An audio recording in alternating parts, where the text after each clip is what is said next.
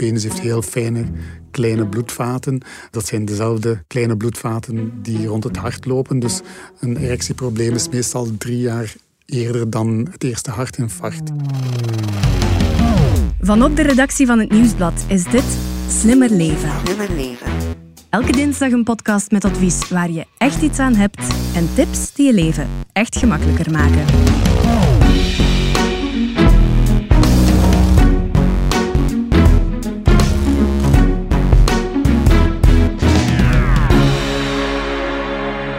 Stefanie, tel eens tot zeven.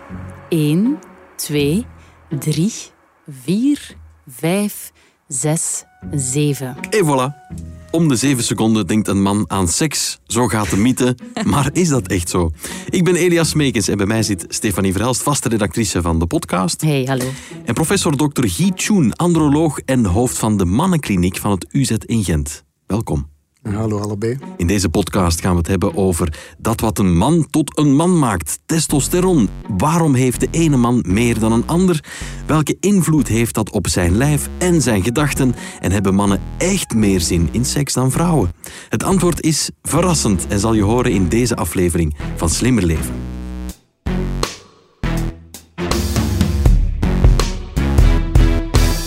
Welkom terug, professor Tjoen. Hallo. We hadden het eh, met u in een vorige aflevering al eens over hormonen in ons lichaam. Super interessant was dat. We hebben het vandaag over jouw favoriete hormoon. Dat heb je vorige keer verteld. Wat was dat ook alweer? Testosteron. Waarom precies? Omwille van de traditie in, het, eh, in de instelling waar ik werk, eh, de dienst endocrinologie van eh, UZ Gent, is vooral gespecialiseerd in testosteron. Ja, we gaan het daar in deze aflevering uitgebreid over hebben. Want jij bent eh, professor naast endocrinoloog, specialist in hormonen, is dat ook androloog. Kunnen we zeggen dat het eigenlijk wat een gynaecoloog is voor een vrouw, dat ben jij voor een man? Ja, dat klopt. Ik denk dat je dat zo inderdaad mooi kan stellen. Er zijn niet zoveel andrologen in België. Je moet eigenlijk eh, een gynaecoloog zijn of een endocrinoloog Ja. of een uroloog. En dan kan je nog een Europees examen gaan doen voor andrologie. Weinig mensen hebben daar de moed voor. En daarom zijn we, denk ik, met eh, slechts een vijf of zes andrologen in België. Hebben jullie een WhatsApp-groepje? Nee, toch niet, toch niet. Stel je voor. Dat is een naaste collega van mij die ook androloog is. Dus ik heb eh, mijn, Nee. eh, mijn spiegel eh, in de ja. buurt. Ja. Maar het zegt toch al veel dat eigenlijk heel veel mensen gewoon niet weten wat dat is, een androloog. Hè? Het is iets wat je zegt voor een stuk een beetje nieuw, maar ook ehm, een beetje onbekend terrein nog. Ja, ik denk dat eh, mannen met eh, vruchtbaarheidsproblemen, met seksuele problemen, soms een lange zoektocht achter de rug hebben vooraleer ze terechtkomen bij de juiste specialist. En dat kan dan inderdaad een androloog, eh, endocrinoloog zijn, of misschien moeten we dan toch naar de seksuoloog gaan. En dat is net zo'n beetje het idee achter de mannenkliniek van UZ Gent, dat mensen eh, zich aanmelden en dat wij dan proberen samen met hen zoeken wie dan de meest geschikte dokter is. Gaat het over vruchtbaarheid? Gaat het over seksuele klachten? Zijn het specifieke penisklachten? En zo verder. Zetten mannen de stap dan te laat of is er iets met de routing dat rammelt? Ik denk allebei. Ja? Ja, maar sowieso we weten wel dat eh, mannen moeilijker praten over seksuele klachten, seksuele problemen. We hebben ooit een onderzoek gedaan in Vlaanderen met de naam Sexpert. En daarin eh, bleek dan toch dat, eh, eh, dat mannen gemiddeld gezien acht jaar wachten, wat heel lang is, vooraleer ze met seksuele klachten naar de hulpverlening durven stappen. En Hoe komt dat, denk, denk jij? ja, ik denk dat mannen zo sowieso minder makkelijk over seksualiteit praten eh, als het gaat om te lachen of om op te scheppen, om grapjes te maken, dan wel. Maar als het natuurlijk gaat over seksuele klachten en problemen, eh, als er eh, praten over gevoelens komt bij kijken, dan is het eh, vaak toch wel een lastige voor de gemiddelde Vlaamse man. En daarom heeft u daar ook een boek over geschreven, vermoed ik. Ja. Over alles wat zich daar beneden afspeelt. Ja, effectief. Ja. Eh, ik heb gemerkt in mijn consultaties, zeker als, eh, als er dan koppels komen op consultatie, dat het dan toch eh, nog altijd die vrouw is die het woord voert tijdens die consultatie, terwijl het gaat over een probleem van het koppel of een probleem van de man. Eh, en dan denk ik dat met het boek Onder de Gordel, dat veel mannen dat toch ook graag in de veilige omgeving thuis is lezen eh, en veel antwoorden krijgen op vragen die ze dan toch niet helemaal durfden stellen aan de dokter. Ik probeer natuurlijk de mensen altijd heel erg gerust te stellen en ze weten dat ook wel na verloop van tijd dat ze daar vrijer kunnen over spreken, dat ze echt wel die klachten op tafel kunnen leggen en dat er eigenlijk eh, geen taboes zijn. Oké. Is dat eigenlijk cultuurgebonden, het feit dat wij daar zo moeilijk over praten? Is dat regiogebonden of, of is het een wereldwijd gegeven Ik dat denk- mannen daar moeilijker over praten? kan er nu geen exacte wetenschappelijke studies uh, tegen plaatsen, maar ik denk dat het wel een veralgemeend uh, feit is dat de vrouwen veel makkelijker over seksuele klachten eh, praten, sneller naar de hulpverlening stappen of naar de, naar de dokter of naar de seksuoloog. En bij mannen is die drempel nog net een beetje hoger. Een uitzondering als het gaat over vruchtbaarheidsproblemen, denk ik dat mannen daar ook wel uh, nu een snellere stap in zetten. En dat is ook een van de pleidooien van het boek van als er een paar is met vruchtbaarheidsproblemen, begin alsjeblieft bij de man, want de onderzoeken zijn veel, veel eenvoudiger. Laat ons maar meteen uh, wat duidelijkheid scheppen. Testosteron is het mannelijk hormoon, maar wat doet dat eigenlijk allemaal voor de man? Ja, testosteron is inderdaad uh, een mannelijk hormoon gemaakt in de teelballen, maar ook een beetje in de bijnieren. De bijnieren zijn twee kliertjes boven de nieren gelegen, die maken ook een beetje testosteron aan. En testosteron heeft heel veel diverse activiteiten. We denken natuurlijk in de eerste plaats aan eh, vruchtbaarheid, eh, invloed eh, op de prostaat, invloed op het uitzicht van ons mhm. genitaal, het uitzicht van de penis, de aanmaak van de balzak, van de teelballen. Dat is allemaal testosteron gebonden natuurlijk. Maar er zijn ook veel andere aspecten. Als we spreken over botmassa, over spiermassa, heel erg bepaald door testosteron. Beharing, lichaamsbeharing, aangezichtsbeharing, haaruitval bij sommige mannen onder invloed van testosteron. En ook het beenmerg wordt beïnvloed. In de aanmaak van rode bloedcellen is ook weer testosteron gebonden. Dus je hebt heel veel verschillende aspecten. En dan natuurlijk ook nog de psychologische aspecten, energieniveau, eh, seksueel verlangen, allemaal bepaald door testosteron. Dus heel breed. Ja, en ik, ik denk ook nog aan gedrag. Uh, je hebt zo van die, het beeld van de testosteronbommetjes, van die mannen die bijna op springen staan. Um, Michelin-mannetjes. Ja, nee, het gaat er meer over uh, ja, het gedrag. Hè, in gedrag ja. op punt om te ontploffen. Hevig. hevig. Ja. Um, klopt dat beeld? Ik denk dat ik dat vooral zal relativeren. Er zijn dat je natuurlijk extremen hebt, ook weer mannen die te veel testosteron zouden gebruiken als doping die zijn inderdaad eh, licht ontvlambaar, denk ik. Maar er wordt ook vaak gezegd, ehm, de vorige president van de Verenigde Staten, Donald Trump, is ook zo een alpha-man, mhm. een testosteronenbom. Terwijl als ik zijn buikje zie, dat ik net denk dat zijn testosteron een beetje minder is dan het gemiddelde van een man. Dus ik denk dat heel veel uh, gedragsbepaald is. Testosteron zal inderdaad wel ons lichaam en een stukje ons gedrag gaan beïnvloeden, maar ik denk dat, uh, dat ons brein toch nog altijd uh, belangrijker is mhm. dan die hormonen op zich. En dat sociale normen, dat uh, uh, sociale afspraken nog altijd uh, belangrijker zijn dan, dan dat hormoon alleen. Mhm, mhm. Wanneer hebben we eigenlijk het meeste testosteron in ons lichaam? Want dat doet ons evolueren eigenlijk van een kindje naar een jongen, naar een volwassen man. Wanneer hebben we het meest? Ja, er is zoiets als een mini-puberteit. Is onmiddellijk na de geboorte heb je zo'n testosteronenpiekje, maar dat is ook eh, snel weer weg. Dus het begint dan inderdaad in de puberteit.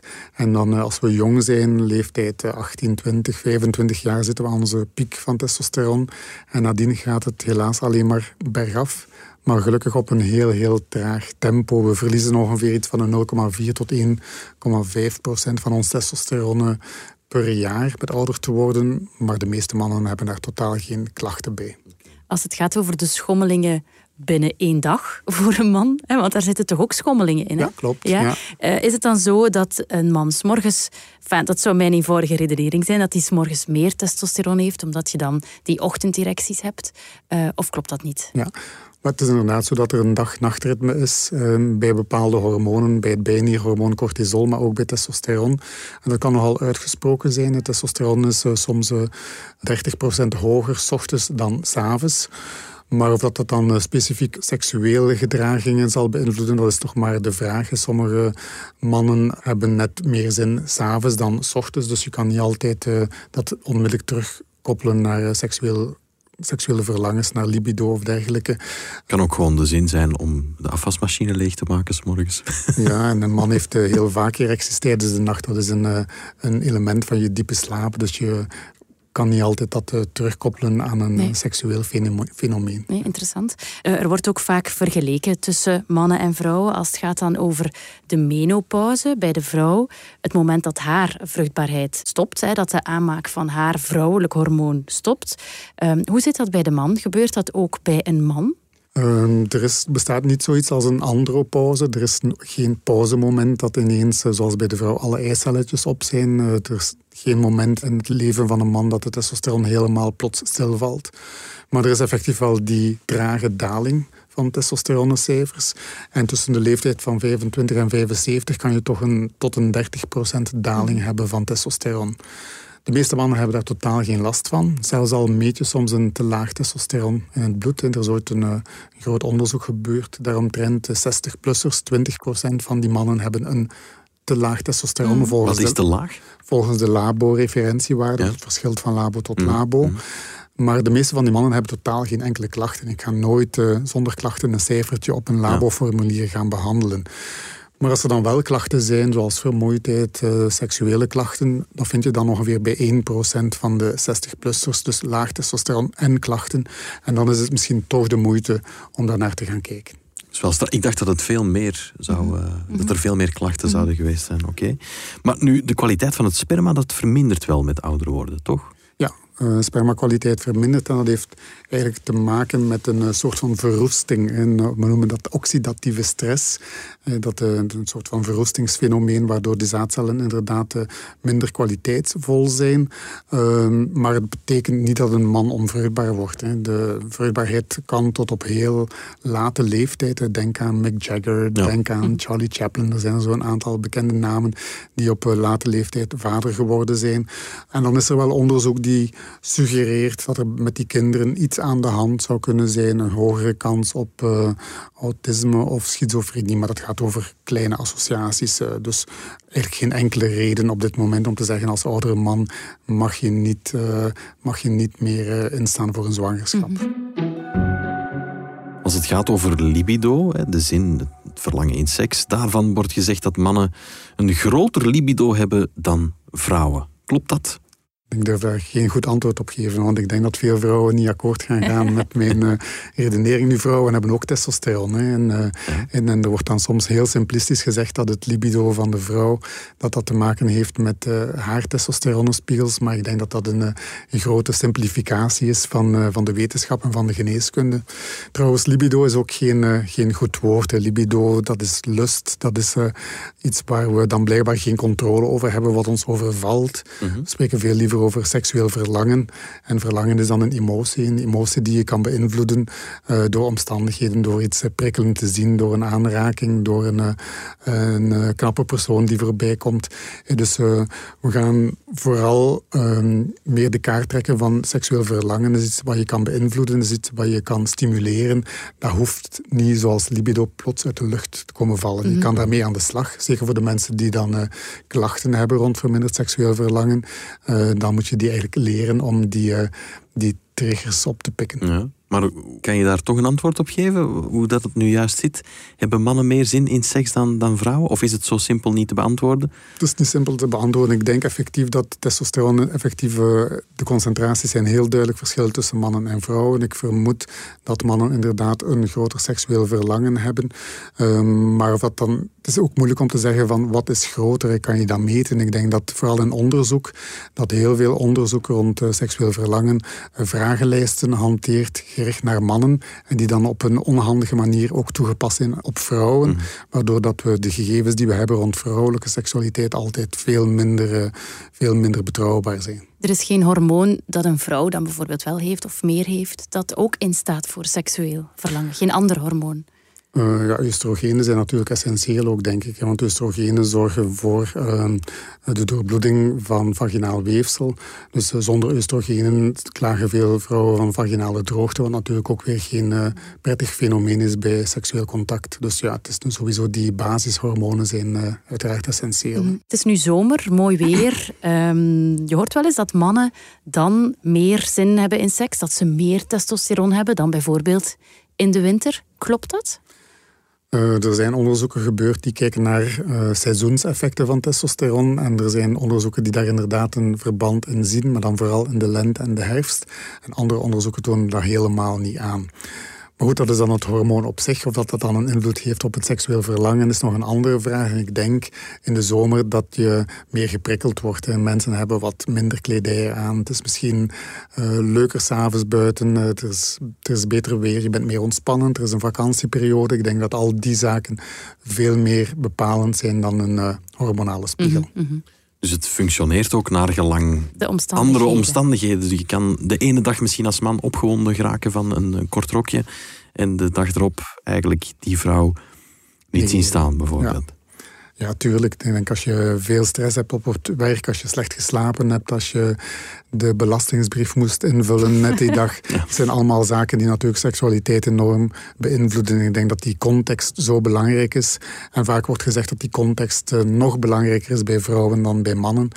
Um, wat, ja, wat denk je daarvan? Is dat ook zo dan?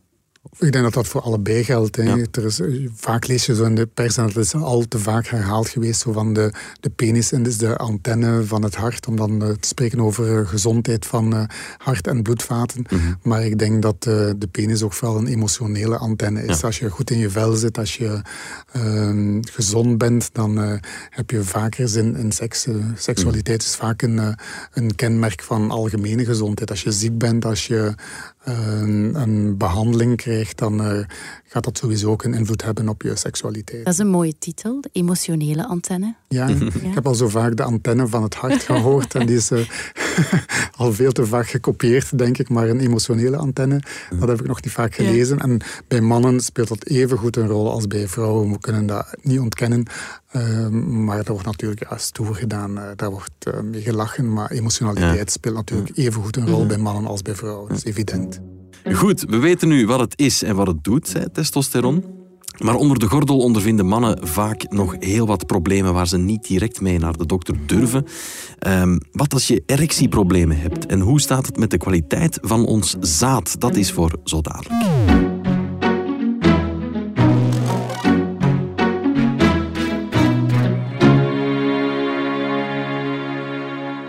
Wat ik nog fascinerend vind, is dat de man zijn penis niet altijd onder controle heeft. Um, die antenne. Wat bedoel, wat bedoel, je daarmee specifiek? Ja, dat kan zo voor ineens van die ongemakkelijke momenten zorgen. Dat, dat je merkt bij een man, oeh ja, die, er gebeurt daar iets of zo. Een spontane erectie bedoel Bijvoorbeeld. Je. Ja. Ja, ja, hoe komt dat? Ja, spontane erectie is vaak gewoon een reflex van het lichaam. En die zwellichamen die zijn doorbloed en die gaan zich soms uitzetten en weer inkrimpen zonder dat je daar specifiek seksuele gedachten mm -hmm. bij hebt. Dus een, een pure uh, lichamelijke reflex. Ja. En, en het, het andere wat daar dan een beetje mee samenhangt, zo te vroeg klaarkomen. Daar hebben ze dan ook geen controle over. Daar struggelen ook heel wat mannen mee, denk ik, met een angst hè, om, dat, om dat voor te hebben.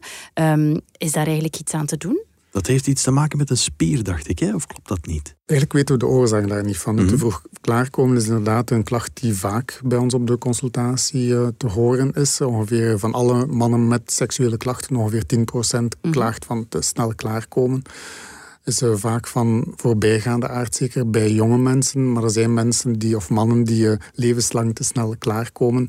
Wat is te snel? Uh, te snel is wat je te snel vindt zelf. Hè, mm -hmm. Want uh, ik wil niks problematiseren. Als mm -hmm. je snel klaarkomt en je hebt er totaal geen probleem mee. Je partner heeft daar ook geen moeite mee. En dan doe het wel nog een tweede keer. En uh, dan is er wat meer aandacht voor de partner. Mm -hmm. Na die eerste keer klaarkomen, dan is er natuurlijk geen probleem. Moet je niet per se naar de dokter gaan.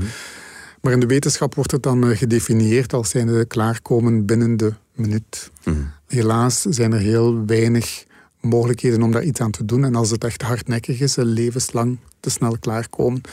Uh, niet bij een nieuw liefje uh, onder de grote spanning te snel klaarkomen. Dat gaat meestal voorbij.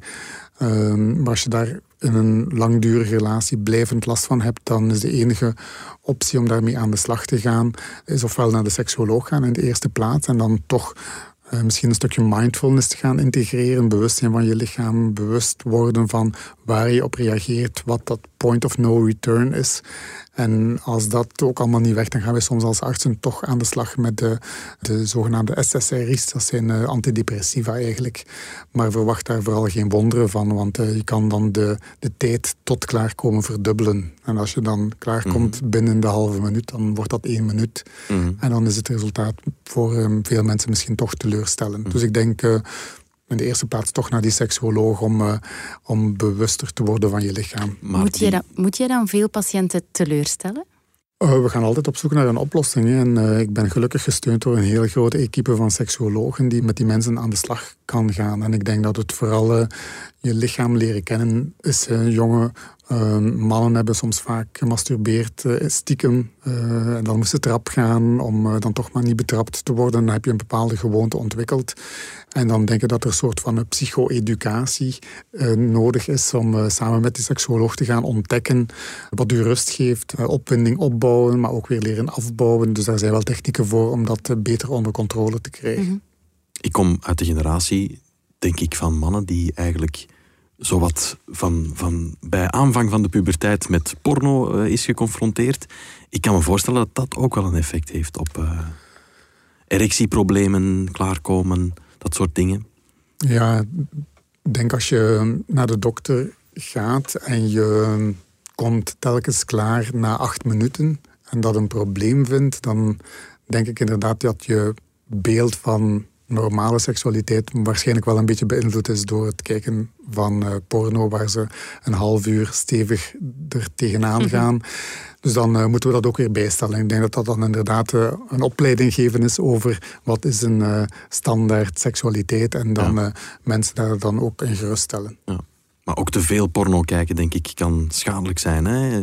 Ja, ik denk dat je dan een bepaald beeld ontwikkelt over seksualiteit, wat niet altijd strookt met de realiteit. Je moet rekenen dat die mensen die dan uh, meedoen in pornofilms, dat die specifiek gekozen zijn omwille van hun fysieke kenmerken en activiteiten. Daar wordt ook veel in gemonteerd. Uh, dus ik denk uh, heel erg relativeren. Pas op, ik ben absoluut niet tegen porno. Ik denk dat je daar veel kan van opsteken. Ik denk dat we allemaal veel leren van eh, naar porno te kijken. Maar uh, let daarmee op dat je daar toch niet in in vast loopt. Want uh, ja, de neiging hebben sommige mensen bij porno kijken om naar altijd meer en meer extreme dingen te mhm. zoeken. En leg dat dan maar altijd eens uit aan je partner, die daar misschien helemaal geen zin in heeft. Dus met mate zou ik zeggen.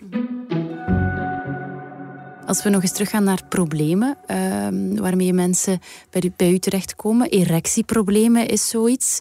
Um, komt dat eigenlijk vaker voor dan we misschien denken? Ja, ik denk erectieproblemen, ook weer in ons onderzoek wat we ooit gedaan hebben, is expert. Uh, een op de tien mannen met seksuele problemen heeft erectieklachten, wordt vaak niet over gepraat. En wij uh, als andrologen, als endocrinologen vragen daar wel heel erg actief naar. Ik denk mm -hmm. dat huisartsen dat ook eigenlijk moeten doen, omwille van het feit dat je daar soms echt wel medische problemen uithaalt. Hè. Sommige mannen hebben erectieproblemen, maar hebben daar totaal geen klachten van en gaan daarom ook niet naar de dokter. Maar kunnen wel diabetes hebben, suikerziekte als onderliggende verklaring. Of ze hebben dan toch een te laag testosteron of mhm. een ontregeling in de hypofysehormonen. Dus het is, loont altijd de moeite om daar toch uh, bij zo'n klacht naar te vragen of mee naar de dokter te gaan. Want je kan effectief wel aan de hand van die ene klacht andere gezondheidsproblemen opsporen. En we spraken daarnet over de antenne van het hart. Als je erectieproblemen hebt, een erectie, de penis heeft heel fijne kleine bloedvaten. Uh, dat zijn dezelfde kleine bloedvaten die rond het hart lopen. Dus een erectieprobleem is meestal drie jaar eerder dan het eerste hartinfarct. Dus ik denk als man die dan plots erectieproblemen ontwikkelt, dan denk ik van ja, laat je toch maar eens nakijken via je huisarts die dan uh, verder kan gaan. En ja, we weten ook dat de suikerziekte zwaar ondergediagnosticeerd is. Veel mensen hebben suikerziekte die het nog niet weten en die ondertussen wel complicaties ontwikkelen. En een erectieprobleem kan ook een eerste uiting zijn daarvan. Ja, en veel mensen leggen denk ik gewoon meteen de link. Erectieprobleem Viagra, we lossen dat op die manier op.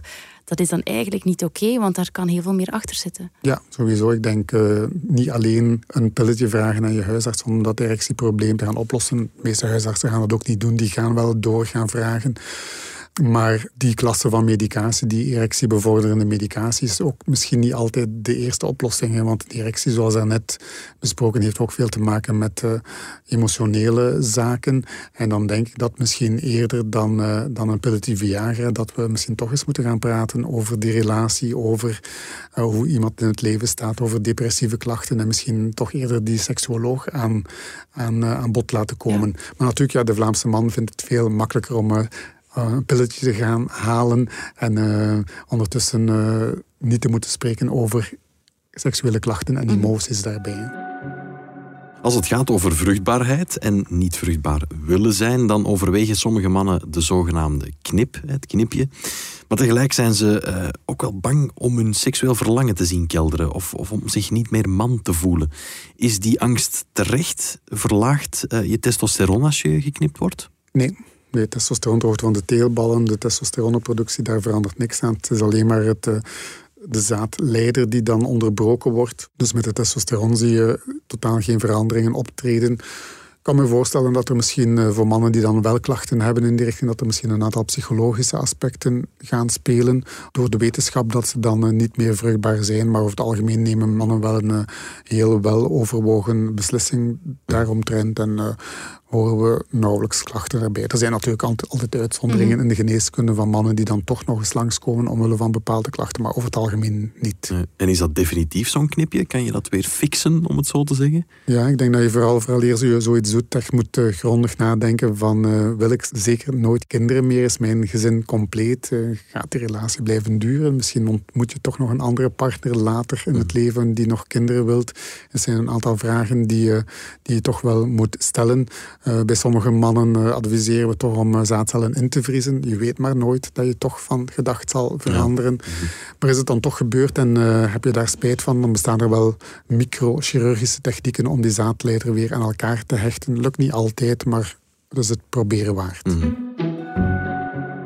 Als een koppel geen kindjes kan krijgen, kunnen ze ook bij jou terechtkomen. Hoe vaak ligt het dan eigenlijk aan de man? Is dat 50-50 of moeilijk te zeggen. Ja, zo kan je het ongeveer wel stellen. We zeggen meestal 30, 30, 30 procent. Dus een derde ligt de oorzaak bij de man, een derde ligt de oorzaak bij de vrouw en bij een derde ligt het aan allebei. Mhm.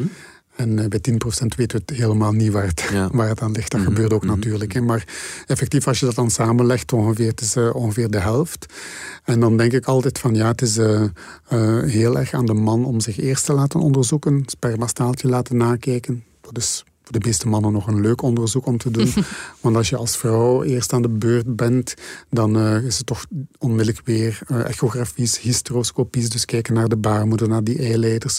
Dus dan toch weer een meer belastend onderzoek, terwijl dat de kans even groot is dat het weer dat het toch bij de man zit. Dus uh, misschien toch uh, altijd beginnen met een sperma-analyse. Want dat is niet altijd de reflex, begrijp ik uit wat je zegt. Hè? dat vrouwen eerst worden onderzocht. Ja, dat is inderdaad uh, soms wel het geval. We hebben natuurlijk onze collega's fertiliteitsartsen, gynaecologen daar heel erg alert op gemaakt op het feit dat een sperma-onderzoek eigenlijk de eerste stap moet zijn bij een paar wat problemen heeft om, om zwanger te raken. Kan een eh, tekort aan testosteron zorgen voor verminderde vruchtbaarheid? Ja, zeker. Ja. De basis uh, zaadcellen ontwikkelen zich alleen maar in een goed milieu. En dan uh, spreken we vooral over voldoende testosteron ter hoogte van de teelbal zelf. Niet meteen in de bloedbaan, maar lokaal ter hoogte van de teelbal. En daar moeten dan in dat milieu die zaadcellen zich uh, goed gaan ontwikkelen. Dus als je een tekort hebt aan testosteron, om welke reden dan ook, dan zie je vaak ook een vermindering in de zaadcelkwaliteit. Een beetje iets anders, maar tegelijk ook niet. Um, er is soms wat te doen over het gevaar van je gsm enfin, bij mannen, hè, die gsm-stralen, je smartphone in je achterzak of in je zak vooraan. Um, omdat dat slecht is. Zak vooraan krijgt een andere betekenis, ja. Stefanie. Let daarmee op. De broekzak. De broekzak. Ik zie al dat je je recht stelt ook. Ah, ja, klopt. Zit er van achter? Ik word er ongemakkelijk van. Zet je telefoon van achter? Ah, ik dacht mijn zak. Nee, nee, nee. Mijn, telefoon zit, ligt gewoon hier, Stefanie. Kijk, hier ligt hij.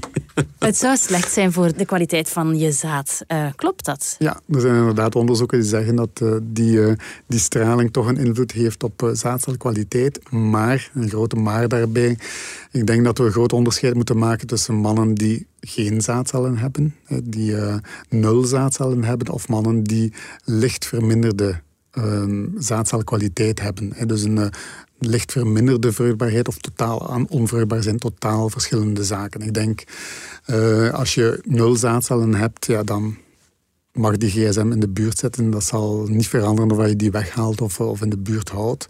Heb je een zeer goede concentratie van zaadcellen, dan zal het ook weer geen groot verschil maken of dat je nu spannende onderbroeken draagt of de zetelverwarming aanzet in je auto. Maar het is vooral een aandachtspunt voor die mannen die zo'n beetje flirten met de normale grens. Hè. 15 miljoen zaadcellen per milliliter is dan het getal wat wij hanteren.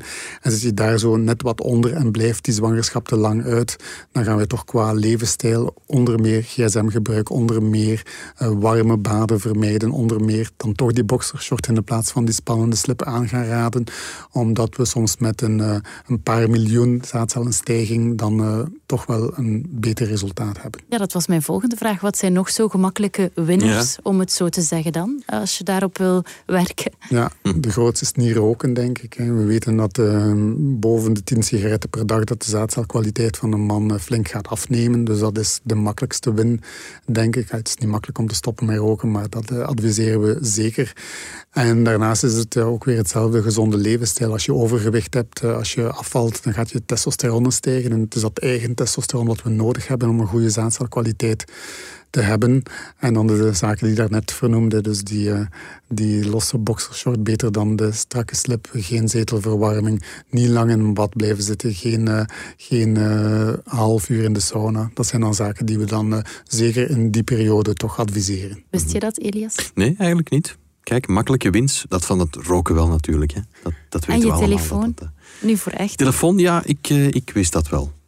Ja. Maar toch steek je die, ja, waar moet je die anders steken? Een handtasje nemen? Ja, ja. ja dat, dat zou kunnen. Ja. ja. ja of op je rug dragen. Als ik die les geef in de opleiding geneeskunde, vraag ik altijd aan de mannelijke studenten om recht te staan. Als ik dan zeg van waar zit je gsm en dan uh, zit iedereen zo'n beetje ongemakkelijk op dat moment. Wel, ja, ja, ja, maar het is moeilijk. Hè? maar, ik ben, uh, maar ik ben even goed schuldig. Ja, we hebben het er eigenlijk gedurend al over tijdens deze aflevering dat mannen niet zo gemakkelijk de stap zetten hè, naar, uh, naar professionele hulp. Is het ook zo dat mannen misschien ook meteen het ergste denken?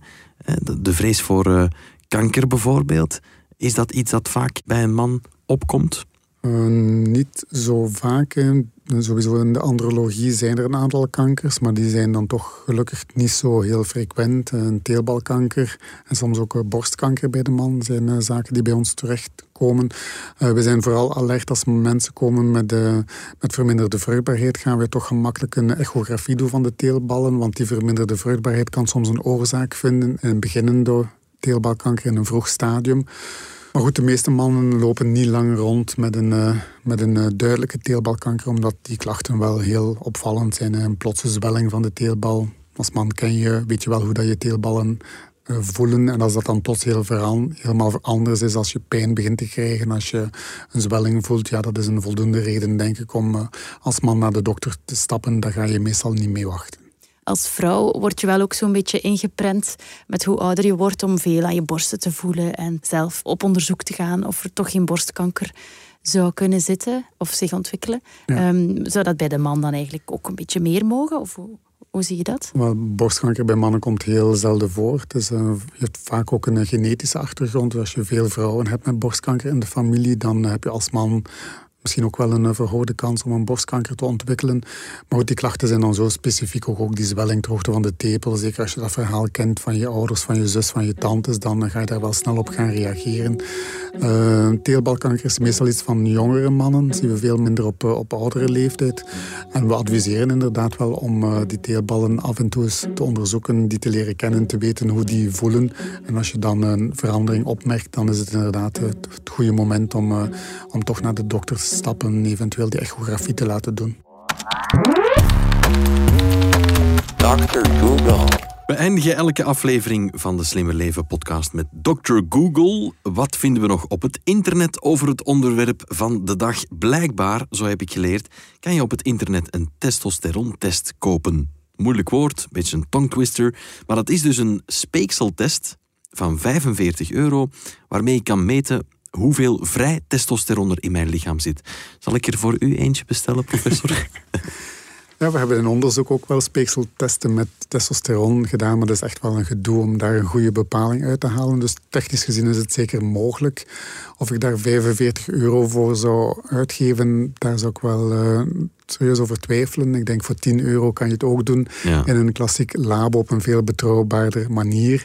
Als je je testosteron wil laten meten, doe dat vooral s ochtends en liefst nog nuchter, want dan heb je de meest betrouwbare waarde. Als je een uh, testosteronbepaling zou doen s'avonds bij de huisarts of, uh, of s'avonds met je speekseltest thuis, dan uh, kan het goed zijn dat je toch een verlaagde waarde vindt, maar er is een dag het met testosteron. En dus kan dat perfect normaal zijn. Maar ik hou het toch bij een bloedonderzoek. Oké, dat is duidelijk. Stefanie, professor, hartelijk bedankt. Graag gedaan. Met plezier. Dit was de podcast Slimmer Leven van het Nieuwsblad. De redactrice was Stefanie Verhelst. De gast voor vandaag was professor Dr. Guy Chun. De audioproductie gebeurde door Pieter Schrevens van House of Media. De eindredactie werd in goede banen geleid door Bert Heijvaart en Eva Migom. Als je wil reageren, dan kan dat op slimmerleven.nieuwsblad.be. En als je deze podcast leuk vond, schrijf dan gerust een review op je favoriete podcastkanaal, zo toon je ook anderen de weg.